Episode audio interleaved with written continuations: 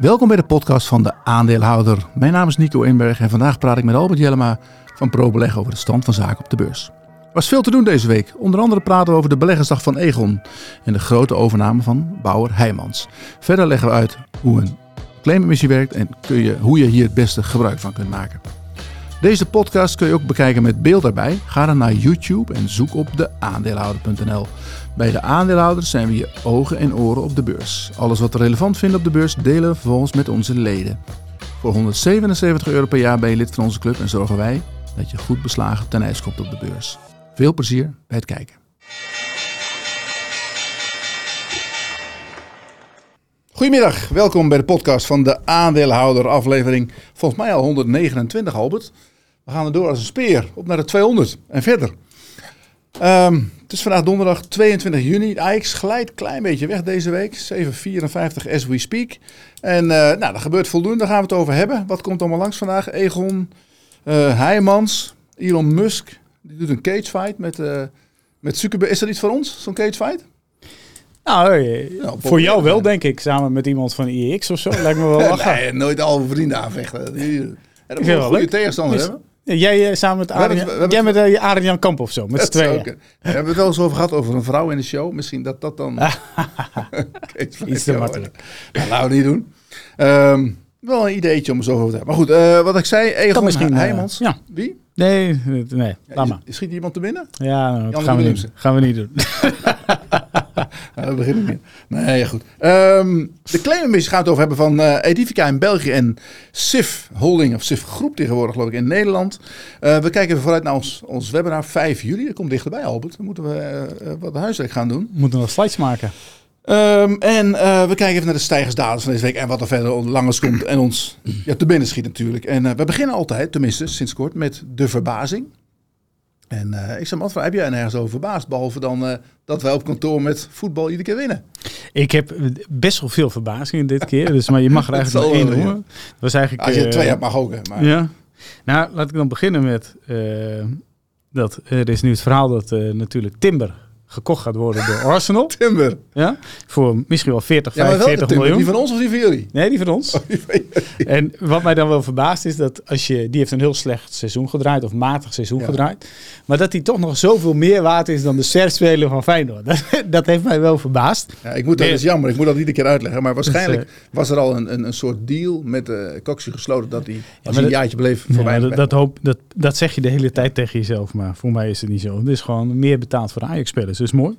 Tweede Ja, wat- hij is niet verkocht. Hij is niet. Nee, maar dat gaat wel gebeuren. Wat, wat we ook wel verbaasd is dat onze collega Jordi, als ze, als ze dan tegen een tafel voetballen, dat hij nog steeds in dezelfde grapjes eh, of trucjes straft. hè? Dus, dus, eh, hij hapt nog steeds, want ik zei van eh, ik kan niet bij het balletje bij tafelvoetbal. Ja. En dan gaat hij, kijkt hij zo en dan schiet je hem erin. Maar dat is gewoon toch wel mooi dat iemand zich blijft in hetzelfde blijft trappen. Hè? Ja, Misschien wel goed om hier een oproep te doen, want wij, spelen op kantoor vaak jong tegen oud. en ik moet zeggen, ja, wij winnen toch meestal wel eigenlijk. Dus we zijn toe aan iets meer tegenstand. Ja, misschien is er wel iemand die kijkt die zegt dat kan ik echt oprecht heel goed. Ja. Dan misschien is het wel leuk om een keer langs te komen. Ja, dat is wel leuk. En, eh, Die kan ons misschien op een hoger niveau brengen. Ja. Dat zou op zich leuk zijn. Oké. Tips in verhouding in, in ruil voor een eh, cursus eh, hoe worden wij beter met taalvoetbal. Ja. ja, waarom niet? Ik bedoel, je bent nooit te oud om te leren. Had jij nog een verbazing, Nico? Ja, ik zit denk, wat, wat, ik verbaas me tegenwoordig niet zoveel meer over dingen. Wel gisteren, je, lo- wat- je loopt ook al lang mee, hè? ik loop een tijdje mee. Ik, had gisteren, ik was gisteren in Amsterdam, had ik weer mijn, mijn kaartavond in Amsterdam, in Café Ja? Scheldema. En, en ik moet zeggen, ik kom niet heel vaak mee in Amsterdam. Maar het, is, het is was alsof ik de enige Nederlander was daar. Het is, het toerisme is echt niet normaal. Er lopen Ja. alleen maar buitenland. Ik hoorde ook van die, die jongen, van- ik kom dat café, kom ik al 30 jaar. En hij zei, ik vroeg aan Mark, die, die caféhouder, ik zeg, hoe, eh, hoe gaat het hier? En hij zegt, het is niet normaal. Sinds corona is het alleen maar druk, druk, druk. Dus eh, ja, toeristisch gezien loopt het nog steeds als een dolle. Ja. Want we zien natuurlijk wel mooi, mooi om op, op in te haken misschien dat de, ja, deze week zagen we toch de eerste, eerste eh ja, winstwaarschuwingen op de beurs, profit warnings, van een Duits bedrijf, Lanxess, maar ook al daarvoor van, van een ander chemisch bedrijf. En eh, dat- dat, dat begint toch wel een beetje door te sijpelen nu, denk ik, of niet? Ja. Ja, nee, dat is. Uh, ik sprak ook met een uh, echt een hele goede analist in Nederland. En uh, die, die, die, die uit ook de tekst van. ja, we staan eigenlijk aan de vooravond van de zomer vol profit warnings. Ja. De, nou, die zit er echt diep in over het algemeen. En wat hij eigenlijk schetste, het beeld was eigenlijk van. nou, eerst was het zo dat in het begin van het jaar werd er gezegd van joh, er is nog heel veel veiligheids stok, hè, safety stok, aangehouden door bedrijven. Want in corona waren er heel veel supply chain issues. Dus iedereen heeft een beetje gehamsterd. En ze gingen dat opmaken. Nou, nu zou dat er doorheen moeten gaan. Alleen wat je er nu bij krijgt is eigenlijk dat de volumes voor zeker voor dat cyclische bedrijven, chemiebedrijven, dat die ook onder druk komen staan. Omdat, ja, wat, wat hij aangaf, hij zegt, ja, uiteindelijk komt die, die, die, die, die volumes komen onder druk. Dan het, uh, ja, eigenlijk artificiële hogere omzet vanwege die hoge inflatie. Dat begint nu er ook uit te lopen. Uh, ja, en uh, in zijn ogen, ja, de consument begint langzaam maar zeker die inflatie niet meer te trekken. Ja. Dus hij zegt van ja, er komt gewoon echt wel uh, problemen aan. Uh, voor bepaalde groep bedrijven. Want dat is, nou, als je het hebt over hè, DSM en zulke soort ondernemingen. Dus het is niet dat je kunt zeggen, nou, hè, alles komt met winstwaarschuwingen. Maar hij was wel specifiek voor bepaalde takken van sport, zeg maar, dat, dat hij daar wel winstwaarschuwingen verwachtte. Ehm, wat wel grappig was, ik zei van ja, ja dan is Ahold natuurlijk misschien ook wel. Hij zegt nee, die komen juist met een ijzersterk kwartaal, verwacht ik. Omdat de, uh, de food CPI, die ligt boven de PPI. Oh ja. Uh, oftewel de consumentenprijzen, die, die, die, ja, die inflatie is hoger dan de, de inkoopprijzen uiteindelijk. Uh, dus daar verwachtte hij eigenlijk een heel sterk tweede kwartaal. Hij zegt, maar die gaan dan in H2, in de tweede helft van het jaar gaan die de problemen ervaren. Dus uh, zo zit het wel heel hè, verschillen binnen de bedrijven. Maar ja, hij uh, was wel uh, een stevige uitspraak, ja. een zomervol winstwaarschuwing. Als je dat nu zo ziet, dan bijvoorbeeld Lenks is gezegd chemisch bedrijf. dan, ja. dan, ja, dan zouden in die hoek van de industrie, we hebben natuurlijk, niet om hier weer DSM weer af te branden, maar die hebben natuurlijk al gewaarschuwd eerder al dat ze met die vitamineprijzen, die liggen onder druk. Ja. Uh, die hebben het ook nog steeds over voorraadafbouw. En dan zeggen ze van ja, in H2 wordt dat beter waarschijnlijk. Maar dat, dat wordt niet beter dus. Nou, in ieder geval in, Q, in Q2 waarschijnlijk sowieso nog niet. Nee. Uh, je had het ook al, dat is, een heel andere bedrijfstak, maar je hebt bijvoorbeeld ook Alphen. Die hebben ook gewaarschuwd, voor, of gewaarschuwd, hebben ook gezegd, H1 wordt slecht, voorraadafbouw. Maar ja, als dan ook volumes nog een keer onder druk gaan komen, ja, dan is dat wel een double whammy, zeg maar. Dus er zullen best wel wat bedrijven zijn die uh, met teleurstellende cijfers kunnen komen. aan de andere kant, ja, als je, als je naar de beurs aan zich kijkt, dan worden natuurlijk ook wel extreem gedragen door relatief weinig bedrijven de hele goede performance. In Nederland bij de semis. Ik vraag me wel af hoe het met die semis gaat. Want ik hoorde die, die, die man van ASMI op de radio, Paul Verhagen, CFO. En die zei ook dat, dat uh, hij zegt dat AI gebeurt. Ja, dat, daar merken we dit jaar nog niks van in de cijfers. Dus die zullen dus ook, dan gaan die cijfers die gaan dan, gaan dan tegenvallen. Als mensen daar wel op rekenen dat daar wat in zit. Ja, die hebben ook, eh, die hebben al wel aangegeven wat ze verwachten natuurlijk. Hè? En uh, dus dat, dat het nu wat minder wordt en dat het uiteindelijk weer wat beter gaat worden. Dus ook, het is altijd met ook van wat zijn de verwachtingen. Ja. Uh, en, en, als die prudent zijn, ja, dat, dan kan het ook natuurlijk aan de andere kant best wel positief uitpakken.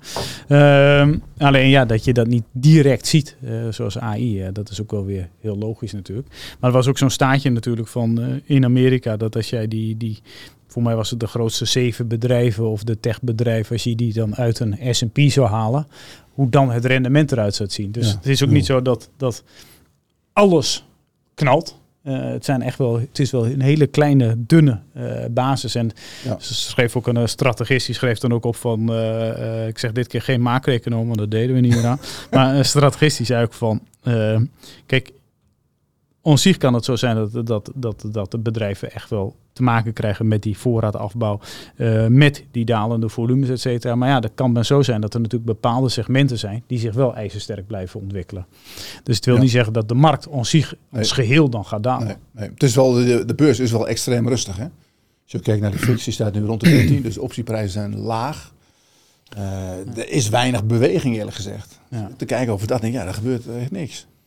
Nee, nou ja, je ziet ook natuurlijk aandelen als, uh, ja, jij bent meer in de optiemarkt natuurlijk, maar als je flow traders, uh, Euronext doen het allemaal niet goed nee, qua, uh, qua koers. Die, die, hebben gewoon te, te, die hebben echt te maken met lage volumes. Moet jij dan niet je, je, je befaamde constructie weer uit de kast trekken? Een zomerpoetje. De crashpoet. De crashpoet. Ja, daar kunnen we maandag even naar kijken. Ja, maar dat is niet. Ik zat te kijken, van, vanochtend hadden we de chatsessie.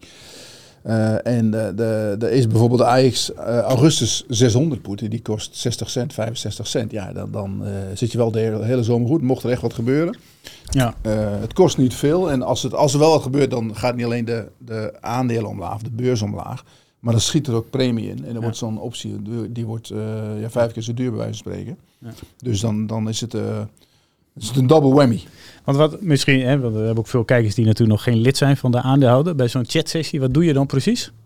Een chatsessie? Ja. dat niet? Ja, ik wel. Maar misschien is het leuk om even te vertellen. Nee, dat is goed. Dus we hebben een Q&A. Dat is eigenlijk wat we, wat, we, wat we doen. Dat is leuk voor de mensen thuis. Als wij uh, onze leden kunnen van tevoren vragen insturen. Dus dat begint, we sturen een dag van tevoren een mail. Maar je kan dat in principe de hele week doen.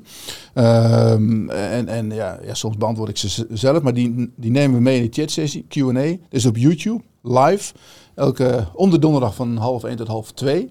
Ja. En uh, mensen kunnen ook gedurende de livestream, ik kijk gewoon mee bij de bij, ja, YouTube is natuurlijk hartstikke makkelijk. Die kunnen ze daar ook commentaar geven of, of uh, ja, reageren of extra vragen stellen. En dan behandelen we gewoon die aandelen. Dus meestal wat we doen, zoals vandaag bijvoorbeeld, hebben we natuurlijk over Egon en Heijmans, leggen we uit wat er aan de hand is.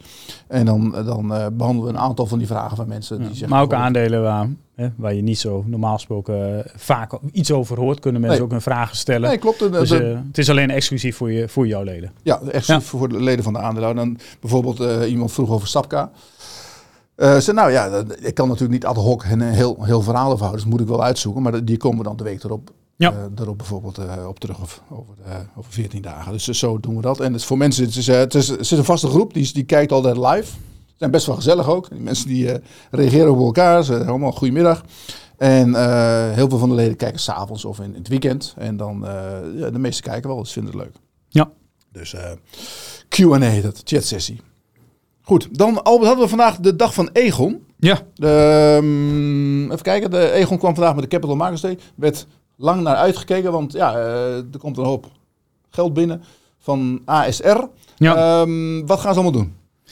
Ja, nou, ik, weet, ik, moet zeggen dat ik vanochtend best wel uh, langer mee bezig was. Om het, ja, ze enthousiast. Ik kwam eh, enthousiast binnen. Ja, maar het, is ook wel een, uh, het is ook denk ik een, ze noemen het zelf ook de next chapter. Hè? Ja. Want misschien om even een beetje geschiedenis te vertellen. Laat Vriezen is kleine drie jaar geleden begonnen bij NN als, of bij, vanuit NN naar Egon als CEO.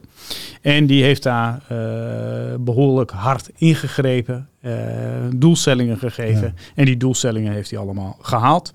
En nu kwam hij dus eigenlijk met een update over van wat gaan we doen in het volgende hoofdstuk zeg maar, van Egon en Laat Vriezen. En um, proberen het een beetje simpel te houden. Nou, allereerst wat makkelijk is. Hij heeft gezegd van uh, uh, het dividend, uh, wat nu voor dit jaar op 30 cent gaat liggen, moet in 2025 op 40 cent liggen. Dus gaat van 30 naar 35 naar 40 cent. Nou, dat is een duidelijke. Tweede wat hij heeft gezegd is dat Egon Nederland wordt verkocht aan ASR. Dan moet in de komende weken worden afgerond. En op dat moment krijgt Egon anderhalf miljard cash binnen. Ja. En die anderhalf miljard cash, die gaat hij per direct gebruiken om aandelen Egon in te kopen in een periode van 12 maanden.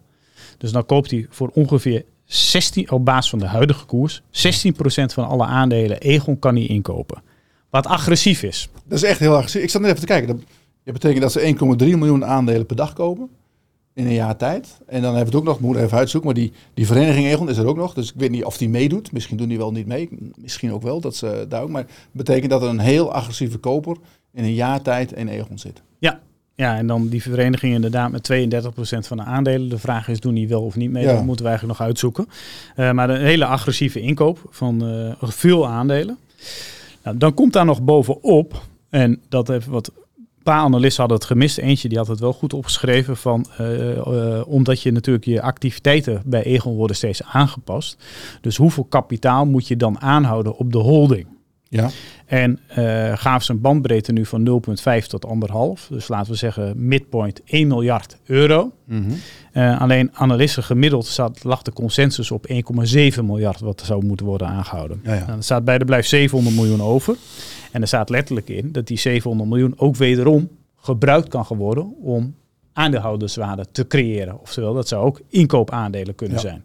2,2 miljard. Ja, en dan ga je dus naar drie, bedrijf, bijna een kwart van het bedrijf. Plus het dividend. Dat is ook 7, 8 procent yield de komende jaren. Dus Ja. dan heb je, als je dat optelt in drie jaar, zit je al op de helft van het bedrijf. Ja.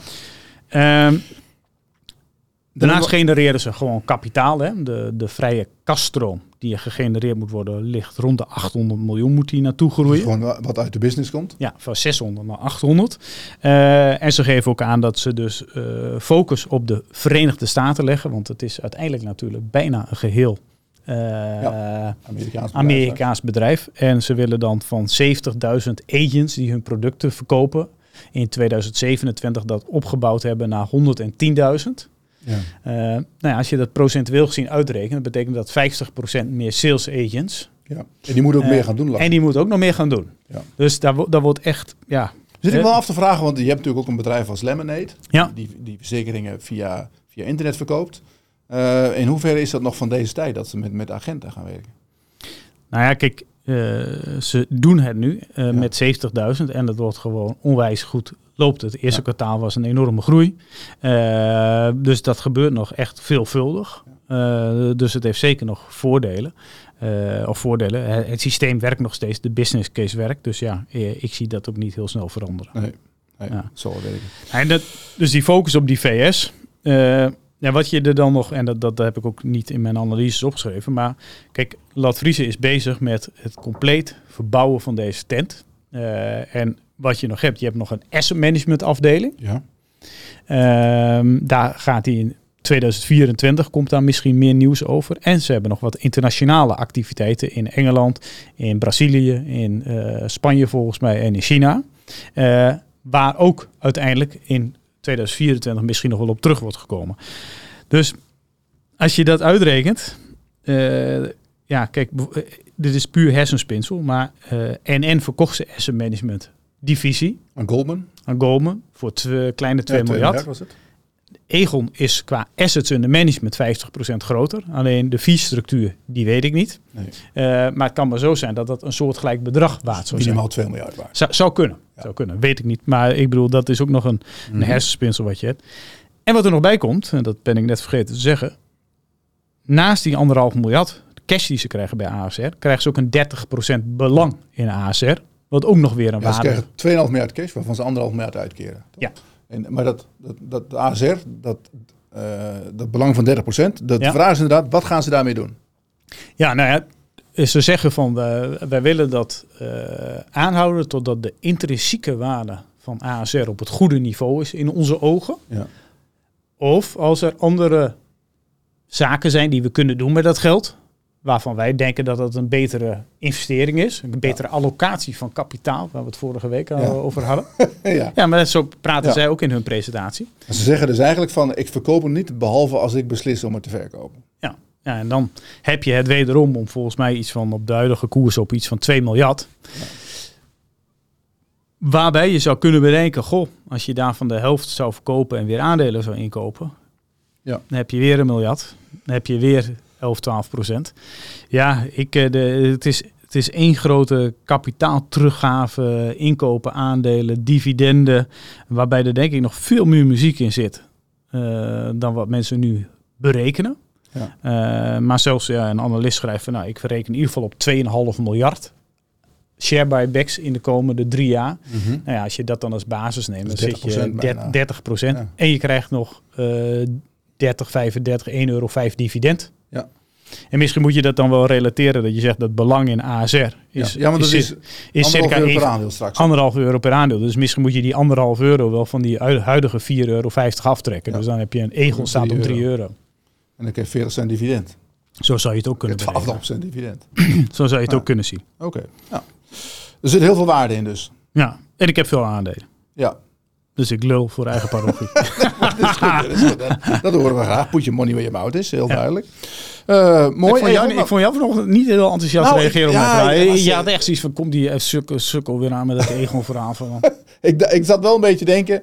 Dat ik, ik, las ergens van, eh, ja, dan gaan ze naar Amerika toe. En we hebben wel meer bedrijven gezien, ik noem geen namen, die naar Amerika gaan. Dat het gewoon moeilijk is. Kom op, namen, rugnummers. Jitse Rood. nee, maar goed, het, is altijd lastig als je in Amerika een... een, een ja, maar die ging erheen, die ja, had niks. nee, klopt, Dus zij klopt. zitten er. Maar zij, gaan, dus- zij maken zichzelf nu eigenlijk een, een Amerikaans bedrijf. Ze zeggen ook van, we gaan met, met Transamerica gaan we, we zoeken een bepaalde niche op. Wat was niche, maar het is niet echt een niche. 68 miljoen eh, prospects. Hè. Dat is de middengroep, want daar zitten Ja. de grote MetLife en zo, die zitten daar niet. Die richten zich allemaal op de, de rijkere bovenlaag. En Ja. zij, zij gaan zich eh, eh, richten op de mensen met inkomen tussen de, de 50.000 k en de 2 ton. Nou, dat, dat is dus, maar dat moet natuurlijk allemaal, dat moet nog wel gebeuren. Dus ik geloof heel erg in, in eh, het verhaal dat, dat er heel veel geld naar de aandeelhouder komt. En dat aandelen inkoopprogramma, ja, dat, dat kan niet anders dat het aandeel straks omhoog gaat. Want er komt zo'n agressieve inkoopmachine. Eh, maar goed, de, de, de- uiteindelijk gaat het natuurlijk om hoe gaat het met de business zelf. Wat voor bedrijf is het? Wat doen ze? En als dat niet goed gaat, want je ziet ook met bijvoorbeeld Shell, krijgt ook heel veel geld binnen, maar ja, Ja. ze geloven niet in olie. Ja, zij, hebben- zij hebben in verhouding, denk ik, tot een nationale Nederlander, zij hebben een kans om te groeien. Ja. Hè? Want het is wel een markt waar je, waar, je, waar je kunt groeien. Ze laten het ook zien. Dus dat is wel anders. Kijk, ASR kan ASR groeien. Nou, ASR kan heel veel synergievoordelen behalen van die overname. Dat gaan ze altijd. Die, het is fantastisch management, dus die zullen wel overdeliveren. Ja. Hè? Dus daar zie je wel winstgroei en al die dingen. Maar dat, Dat, komt, komt dan ook weer bij Egon treffen. dat, ja, dat komt bij Egon, maar dat komt ook door de overname. Ja. Want organisch groeien, als je alleen in Nederland zit, ja, hoe dan? Ja. Hè? Dus eh, dit is, hier zit nog wel een groeiengel in. Maar het is eh, goed om je, je kleine sceptische blik op, eh, op te hebben. Ik ben soms nog een beetje kritisch. Ja, nee, me- meestal ben je alleen maar de good cop en ik de bad cop. Maar we hebben nu een keer, Trouwens- draaien hem een keer om. Ja, nee, maar daar moet ook even over hebben. Albert. En N-groep, want dat, ligt, eh, dat is echt 30% achtergebleven bij de peers. Ja, vervelend. Wat is jouw verklaring daarvoor? Nou, misschien heb jij daar een verklaring voor, Nico. nee, In plaats van, nee, we hebben de vorige... want anders gaat er weer iemand zeggen, Albert weet alle antwoorden. Nou, Nico weet ook alle Nee, deze antwoorden. weet ik toevallig. Ja? Nou, die, hebben, nee, die hebben samen. Maar de, de- nou ja, ik weet niet. Maar de, misschien is dat het verhaal dat de groei achterblijft bij NN. En dat ze niet. Ik kwam ook niet heel erg ambitieus over. En eh, je hebt misschien dat. Het verhaal nog van die Woekerpolis, waar eh een deze Ja. dagen een uitspraak voor komt. En waar zij als eerste, eh, ja, zeg maar, een beetje proefkonijn zijn voor de andere verzekeraars. Ja. Dus ik weet niet of dat speelt, hoeveel dat is. Want de vorige keer werd het afgewezen. Nu zijn ze in hoger beroep. Bij de Hoge Raad, volgens mij. Dus het kan zijn dat dat ook een beetje meespeelt. Maar Het hadden, is wel opvallend en, dat en we hadden nog de, de onroerend goed exposure volgens mij. ja, ja, maar dat hebben ze toch allemaal. Ik zag... eh, in- Ja, maar de, de, ik zou zeggen, we zitten daar niet zo diep in. Maar er werd gezegd dat zij relatief wat gevoeliger waren voor die spreads in die, Ja. in die hypotheken. Ja. Dat dat best wel wat op de kapitaalratio zou kunnen kosten. Eh, dus er werd wel over gezegd van ja, er zitten wel een paar eh, redenen achter. Niet waarom het op 10% dividendrendement moet handelen, maar wel, en het, het staat er iets minder rooskleurig bij Ja. op dit moment dan die andere misschien. Er wordt vaak weinig mee gedaan. Hè. Bijvoorbeeld, kijk, ASR is ook de, eh, in de periode dat dat winkelvastgoed zo omlaag ging. Ja. Dat ASR had ook heel veel winkelvastgoed, Ja. maar die merkte er niks van. Ja. En eh, nu zie je weer dat er stond een staartje in de Volkskrant van wie nou de, de 300 grootste of, eh, eh, ja, bezitters zijn van grond. En er staat ASR op 5. Ja. Die hebben ook, die hebben ook kennelijk ook heel veel grond, maar goed. Ehm, dat is weer een ander Maar dat is En een, dat is een heel Mooi leuk bruggetje. bruggetje. Ja, Nou, ja, dingen bedenk ik eh, thuis. Ja, nee, ja, nee, maar daar kwam ik toevallig. Maar we moeten het ook over Heijmans hebben. Heijmans, Ja. de bouwer. En die heeft een hele grote overname gedaan van 300 miljoen. En daar weet jij wederom alles van. Je maakt ook niet vaak mee dat, dat een bedrijf iets overneemt wat, wat meer waard is dan zijzelf. Ja, ik bedoel, eh, jij hebt eh, met ze gesproken en je bent er dieper ingedoken. En die- kijk, nu ben ik een beetje sceptisch. Ja, ik, want, ben ook ik, ik- want, sceptisch. want 200 man personeel. eh, en volgens mij eh Heijmans 5000 of Ja. zo personeel. Dus het is in mijn ogen gewoon een projectontwikkelaar. Hè, dat, dat, dat, dat, eh, Dat is het precies. dat wat ze hebben gekocht. En met een grote grondbank, hè, dus daar zit waarde in. Hè, dus je koopt ook hè, al die, die, die grond Ja. om woningen te kunnen bouwen. Want uiteindelijk gaat hun capaciteit om woningen te bouwen nou, misschien wel verdubbelen. Ehm, alleen, ja, puur kijken naar wat ze kopen en wat ze betalen en waar je dan zelf handelt. Ja, als we het hebben over kapitaalallocatie. eh, Ja, je had ook eigen aandelen kunnen ja, kopen. eigen aandelen in kunnen komen. Die waren misschien wel. Die staan, je staat, Ja. als, je de, als je er high over naar kijkt, dan denk je van ja, als je naar kapitaalallocatie kijkt, ja, dan had je ook wat meer geld kunnen gebruiken om je eigen aandelen in te kopen. eh, dan deze overname te doen. En als ik het zie, dan denk ik de verkoper heeft een fantastische deal gedaan. Ja. Ik Dat denk, is- je dat is- dat- bij dit soort deals, die komen langs omdat de, er is een opportunity nu. Het is niet zo dat zij dachten, we, moeten, we gaan op zoek naar een, een projectontwikkelaar. Nee, die komt langs, ze kennen die mensen. Het is natuurlijk allemaal... Hè, iemand, Brabo. zei, iemand zei al van, waarschijnlijk in de skybox Bij PSV is dat bekokstoof, maar goed, Ja. zo erg zal het niet zijn. Maar het, het is in het Brabantse land. Het is best een goed bedrijf. Hè? Ze staan heel goed bekend. Ja. Ook als je leest op, op Dat is een bedrijf met, met eh, de hoogste winstmarges in de bouw. Eh doen ze heel erg goed. Ze maken met, met 400 miljoen omzet 60 miljoen EBITDA. Nou ja, als je kijkt Ja. naar, naar Heijmans, heeft dan een EBITDA van 100, 110 miljoen op 1,8 miljard. Ja. En wil ik het over BAM nog niet eens hebben. Ja, maar, de, maar je, je, je zegt hè, 110 miljoen EBITDA eh, versus 60 miljoen. Ja. Maar die 60 miljoen, daar betaal je dus meer voor Ja, dan dat je zelf aan bent. Betaal je veel meer voor om, de, om die... die eh, nou ja, goed, er de, de, de, spelen verschillende aspecten. Eén daarvan is... Weet je wat die grondbank waard is? Of is dat nee, dat hebben ze niet gezegd. Dat, dat willen, ze, of willen ze niet zeggen of ze weten dat. Ze moeten nog Maar uitzoeken misschien, allemaal, maar- want dat zou misschien, dan kun je misschien beter verklaren. Dat je zegt, nou je betaalt, eh, wat was het, 300 miljoen. Eh, daarvan is 150 miljoen is gewoon grond. Dus Ja. we betalen voor die EBITDA betalen we die andere Ja, stukjes. nou, die grondbank, dat, ik, ik zeg dat, dat, dat, dat weten ze wel wat die waard is. Want ze weten ook dat die behoorlijk wordt opgewaardeerd. Omdat de, de, ehm, de winst van de, de komende jaar, die komt ook nog extra onder druk. Omdat die, die grondbank die ze hebben gekocht, moet hoger worden gewaardeerd. Omdat Ja. die, die, die staat nog te laag in de boeken daar, denk ik. Ja. Maar wat, wat ook een beetje meespeelt, is dat die bouwers, die zijn bezig met, met huizen industrieel te bouwen. Dus ze hebben van die, die fabrieken waar die huizen nu worden gebouwd. Mhm. En daar zoeken ze ook een afzetkanaal voor. En als je nou kijkt naar Heijmans, wat die doen, die doen heel veel binnenstedelijk. Die bouwen appartementen, gestapeld noemen ze dat. Ja. Nou, dat wordt verkocht aan de grotere beleggers. Die zijn inmiddels allemaal eh, ja, Nederland uitgevlucht. eh Ja, ja, toen ze Hugo zagen, Hugo de Jonge. Dus die, die, die markt ligt een klein beetje op zijn gat, denk ik. En deze partij van Van Rooij, die heeft allemaal grond wat in die, die Bij Brabantse steden ligt. bij die natuurgebieden. Bij de Natura 2000. hè, Piet. Nee, maar goed, in de, ja, daar, daar staan al varkensstallen, daar kan niks gebeuren verder. Maar die zitten een beetje rond Eindhoven in die dorpen daar. En daar, daar Ja. kunnen ze al die eensgezinswoningen neerzetten. En die komen uit die fabriek. Dus daar creëren ze een afzetkanaal voor hun eigen ja. eh, fabrikage. En het is natuurlijk wel een gok op de woningmarkt. Want op het moment is het natuurlijk waardeloos, die woningmarkt. Ja, ja. ja het is ook wel. Ik moet ook zeggen dat ik, ik zit niet in bouwers. eh, en, en Heijmans heeft natuurlijk de laatste jaren een fantastisch track record neergezet. Ja. Hè, dus een hele goede verbetering. Het kwam ook wel een beetje gehaast over. Want die, die, die, die, die call met analisten, eh ja, het leek een beetje last minute allemaal. En, en, en ja, ook over zijn. Het- het- Ja, niet, ik had zelf niet het idee dat je een mooi uitgewerkte presentatie al eh, helemaal perfect kreeg. Met van dit is de landbank, zo wordt de EBITDA opgebouwd, dit is de synergie en weet ik allemaal. Het, het kwam meer over van, eh, ja, we moesten nu beslissen. Ja. Dus we hebben het gedaan. Zo, zo, op een gegeven moment moet zo'n deal moet het natuurlijk heel snel. Want het, ja, alleen maar het waarom... lekt aan alle kanten uit als je Ja, maar je kunt toch ook een heel weekend eh, spenderen om het dan even heel helder en, en mooi neer te zetten. Maar dat, dat was meer mijn gevoel erbij. Ja, maar Dus, dat, eh, ik moet maar ik zag dat jij, op, eh, dat jij had uitgerekend drie eurotjes winst per aandeel over een paar jaar. Ja, nog wel meer. Maar dat hangt een beetje vanaf. Als het, als het, kijk, die woningmarkt moet wel gaan lopen. Want ik neem aan dat, dat je van Wanrooy nu ook minder verdient dan, dan een Ja. jaar geleden. Dat daar ook een beetje schrapen is. Ja. Als het allemaal lukt, dan zouden die winstmarges op peil. Ja, dan kunnen ze wel doorgroeien. En Ja. Heijmans is natuurlijk al een, een heel goedkoop aandeel. Dat afgelopen jaar verdienen ze 2,5 euro per aandeel. Weliswaar met, met, met een meevalletje erbij. Maar goed, Ja, Gemiddeld eh, door de cyclus en met alle gedoe wat er altijd is, handelen ze altijd op vijf keer de winst ongeveer. Dus Ja, zit, je, zit je op 15. ja, nou ja, ik denk, ja, ik kan er nog wel wat hoger, denk ik. Maar Ja. ze moeten, het, ze, het moet wel geïntegreerd worden en ze moeten leveren. Dus die, Ja. die, eh, Of hebben ze nou eigenlijk misschien net iets te vroeg gehad? Ja, ja, kijk, je weet natuurlijk ook nooit, want die woningmarkt die is, zit nu op een glijdende schaal. Dus ja, misschien moet je wachten. Misschien moet je wachten tot, tot het eh, weer aantrekt. Hè?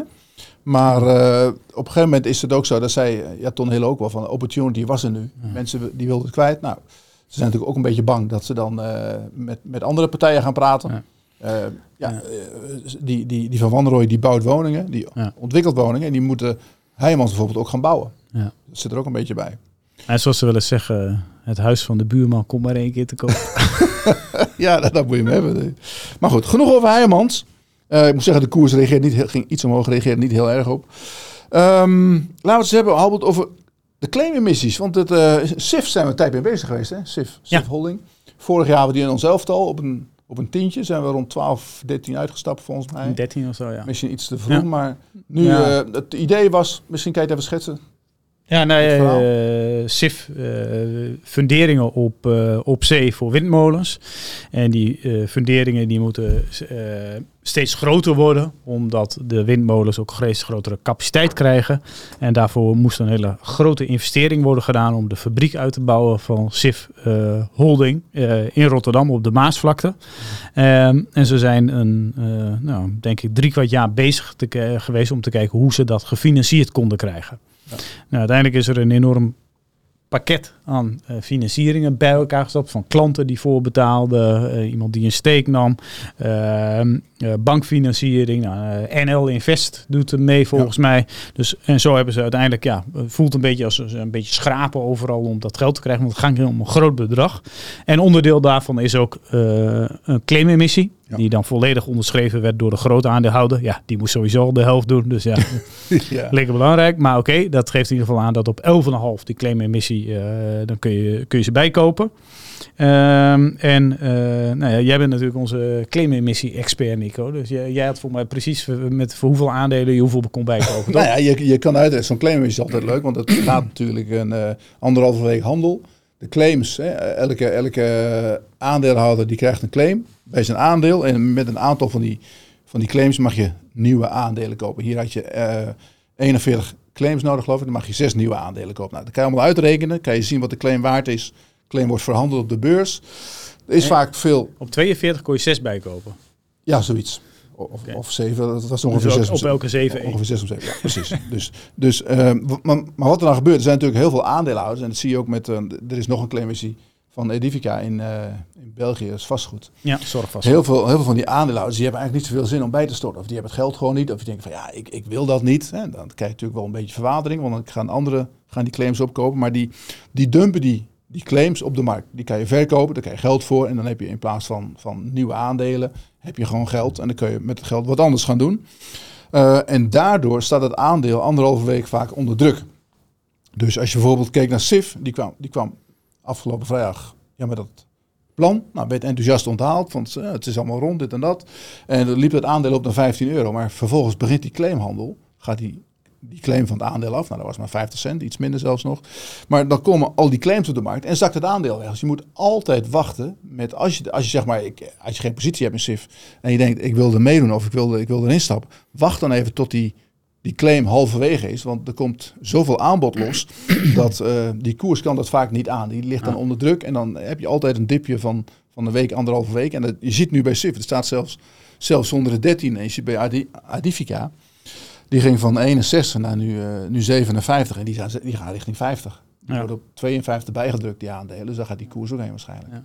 En Sifty, want je denkt, ja, die zal niet naar 11,5 terugzakken, toch?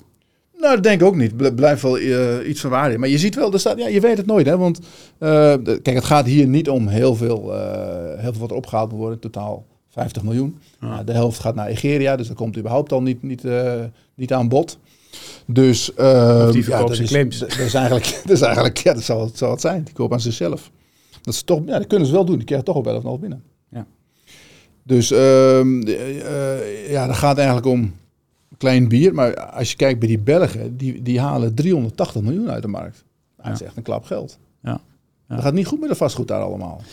Nou ja, dat, dat, dat eh, misschien dan nog over SIF. Hè. Die, die, want ze hebben natuurlijk doelstellingen gegeven hè, van eh, wat ze willen gaan bereiken. En eh, ja, dat is wel... Kijk, als je gelooft wat hun doelstellingen zijn over een aantal jaren, ja, dan zou je die aandelen absoluut wel moeten kopen. Eh, maar dat wordt nog wel echt, denk ik, eh, nou, een grote uitdaging. Want het is wel een enorm project wat er eh, opgetuigd moet worden. Maar sorry, terug naar Adificia. Zeg ik het goed? Eh, Adif, Adifica. Edifica? Edifica. Adifica? Dat is inderdaad een enorme sloot geld. Wat voor mij, als ik wat analisten ook lees, iedereen eigenlijk compleet verbaasde qua timing. Dat het in één Ja. keer kwam.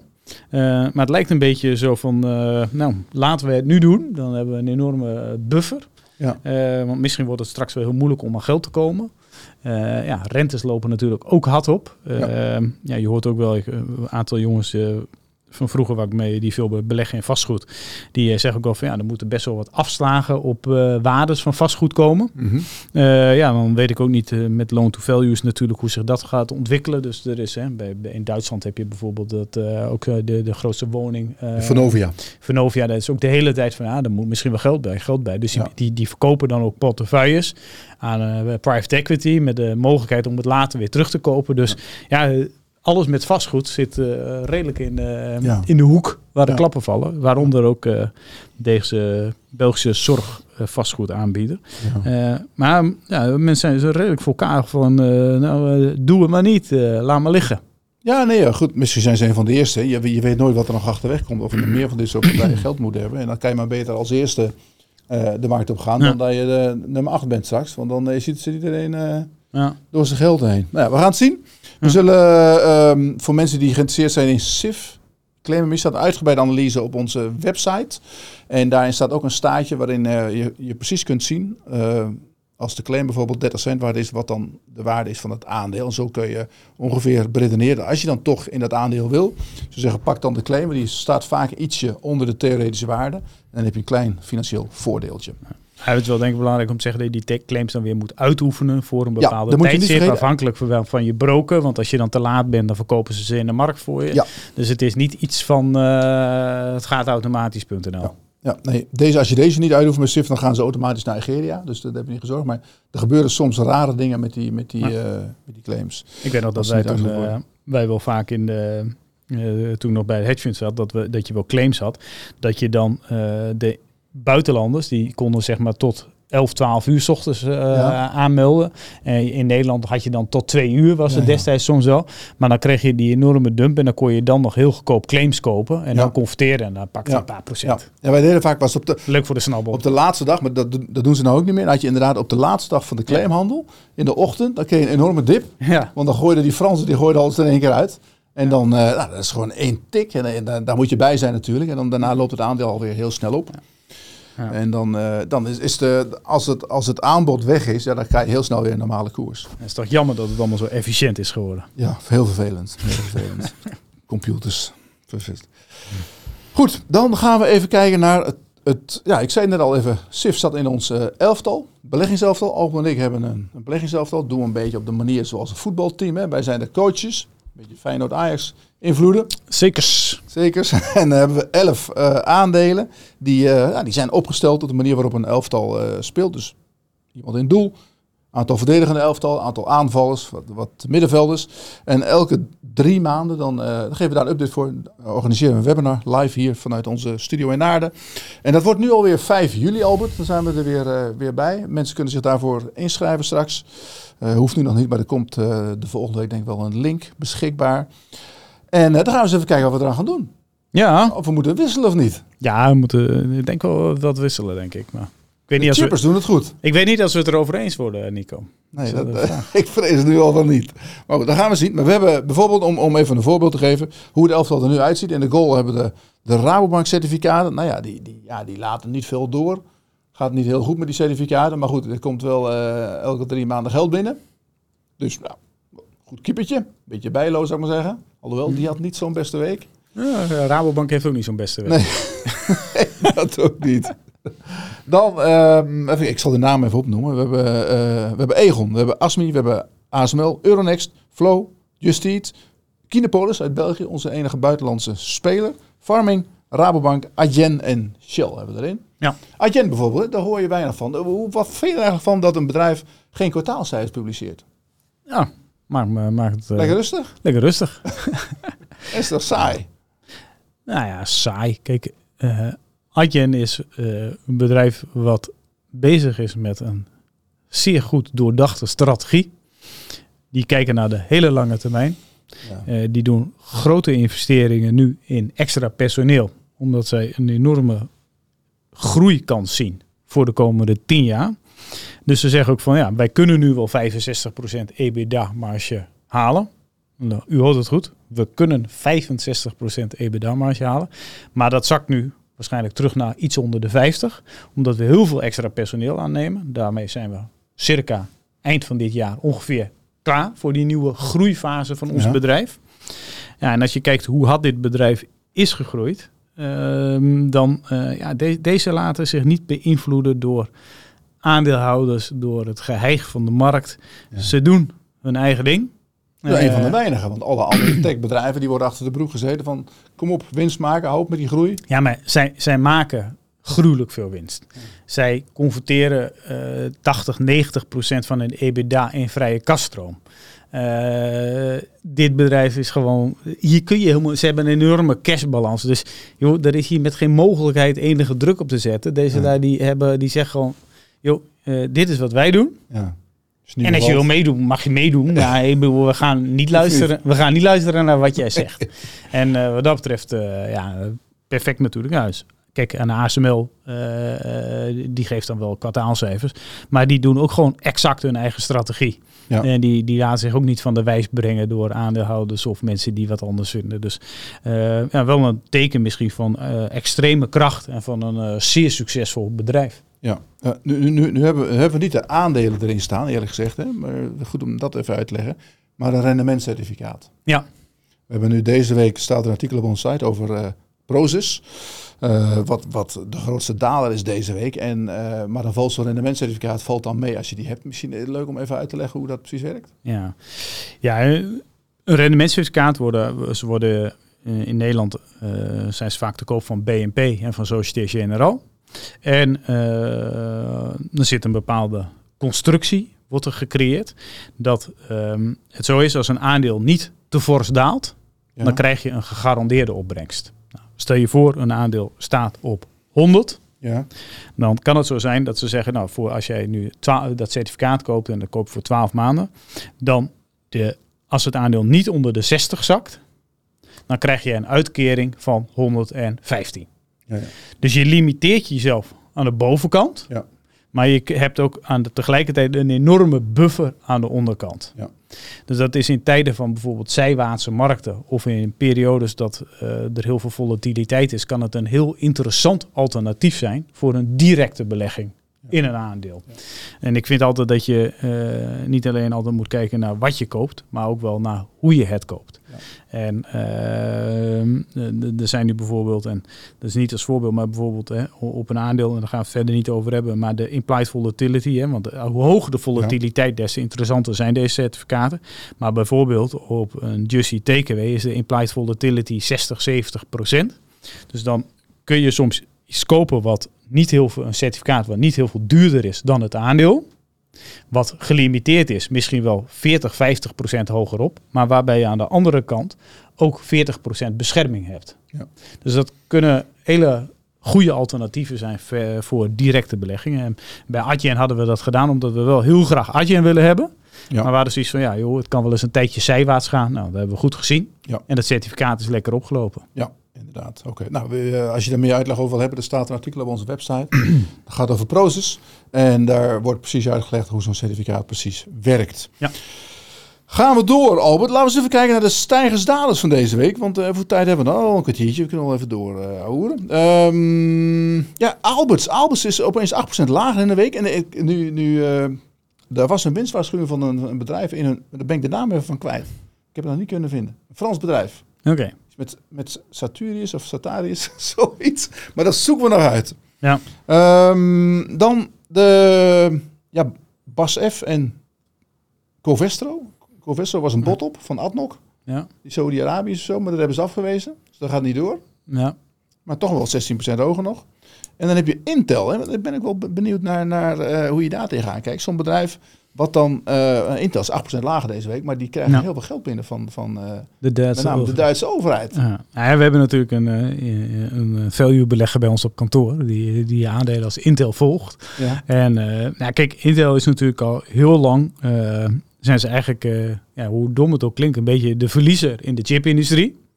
Ondanks dat ze nog een enorme grote market cap hebben en lage waardering, et cetera. Alleen, ja, zij proberen een transitie te maken uh, en nou, gaan nu in Duitsland uh, een hele grote fabriek openen.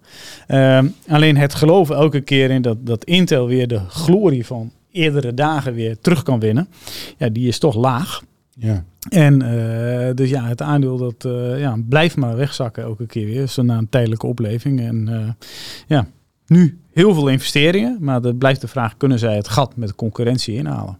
Ja, maar wat, wat, wat vind je ervan? Dat, ze- bedoel, moeten wij als Nederland het ook doen? Dat we gewoon die bedrijven hier naartoe gaan? Kijk, de Nederlandse overheid die jaagt eigenlijk bedrijven het land uit. Dus, Unilever en Shell, dat moet allemaal weg.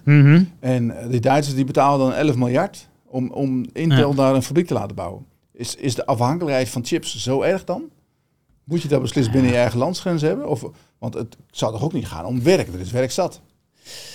Ja, kijk, het is een eh, strategische keuze natuurlijk van, van, van de Duitsland. Iedereen wil veel meer zijn eigen chipindustrie hebben. Europa, Amerika, eh, de Chinezen. Ja. Dus eh, ja, dat, hè, dat, dat kan dus heel goed uitpakken voor eh, leveranciers van machines, dat je op meerdere plekken dat krijgt. Alleen het wordt een steeds meer een, zeg maar, een eh, utility wat je gewoon standaard in je eigen land wil hebben. Of Ja. in je eigen regio. Dus vandaar dat het eh, wel gebeurt. En dat, eh, ja, dat zien we nu al, eh, die, die trend natuurlijk al langere tijd. Ja. Ehm, dus wat dat betreft ja, is het verstandig ja, voor de Duitse automobielindustrie, voor de Duitse tech-industrie. Ja, misschien wel een, misschien blijkt 11 miljard achteraf best wel een verstandige investering te zijn. Ja, nou, zou kunnen. Even kijken. Dan even naar de gasprijs. Ehm OCA heeft heel wat opgelopen. Ja. Eh, 22 en een beetje. Eh, staat even rond de 20. Ja, dat is eh, natuurlijk een verdubbeling van de gasprijs hebben we eventjes dat is gezien. normaal. Gaat Dus, best wel eh, hard. en je nam het Gilles contact of niet? eh, Ja, Gilles? Jillis Ja. heet die. Jillis van der Beuk. Maar die komt volgende week. Volgende week dinsdag, eh, de 27e dacht ik. Dinsdag is Ja. het. Kom jullie ze hebben een extra podcast. eh, met Jillis van der Beuk. En dan gaan we het hebben over onder andere eh, de gasprijs natuurlijk. En hoe gaat die zich ontwikkelen. Energieprijzen, elektriciteit. Maar ook over Shell. We hebben het al over Shell gehad eigenlijk. Vorige week. Vorige week.